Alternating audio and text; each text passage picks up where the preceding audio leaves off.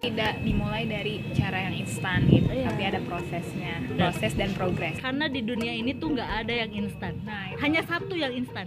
Mie instan. Zamannya udah milenial serba pengen instan anak Nah, yang, yang milenial tuh. terasa itu emang kalau serba instan jadi ke kitanya tuh kayak males gitu tuh bener-bener. Jadi ngebiasain diri kita buat segala sesuatu pingin mudah gitu. Padahal kan harusnya kita tuh diajar untuk bisa melalui proses dan progres itu. Ya step by step belajar gitu ya.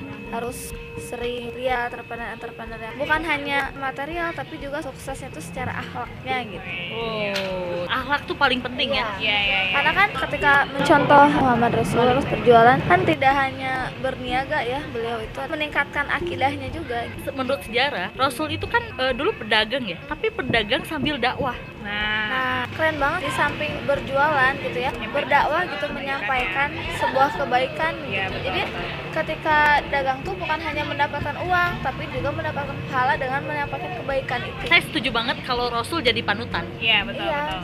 Setuju Karena kan banget.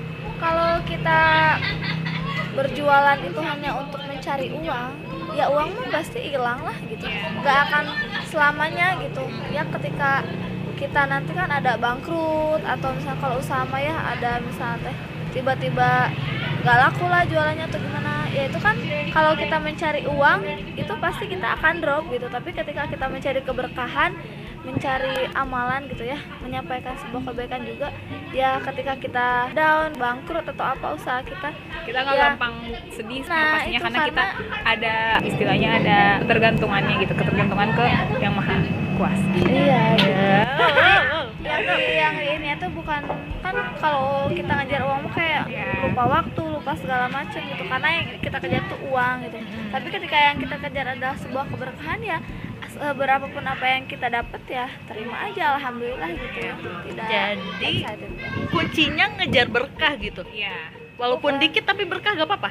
Ya apa-apa. Nggak apa-apa. karena kan itu sudah menjadi porsi gitu. Kenapa? Kalau ketika kita mendapatkan fee yang banyak tetapi itu tidak berkah sia-sia. Tapi ketika kita mendapatkan fee sedikit tetapi itu berkah ya berkah ke semuanya ke jiwa raga kita berkah gitu. Rezeki lancar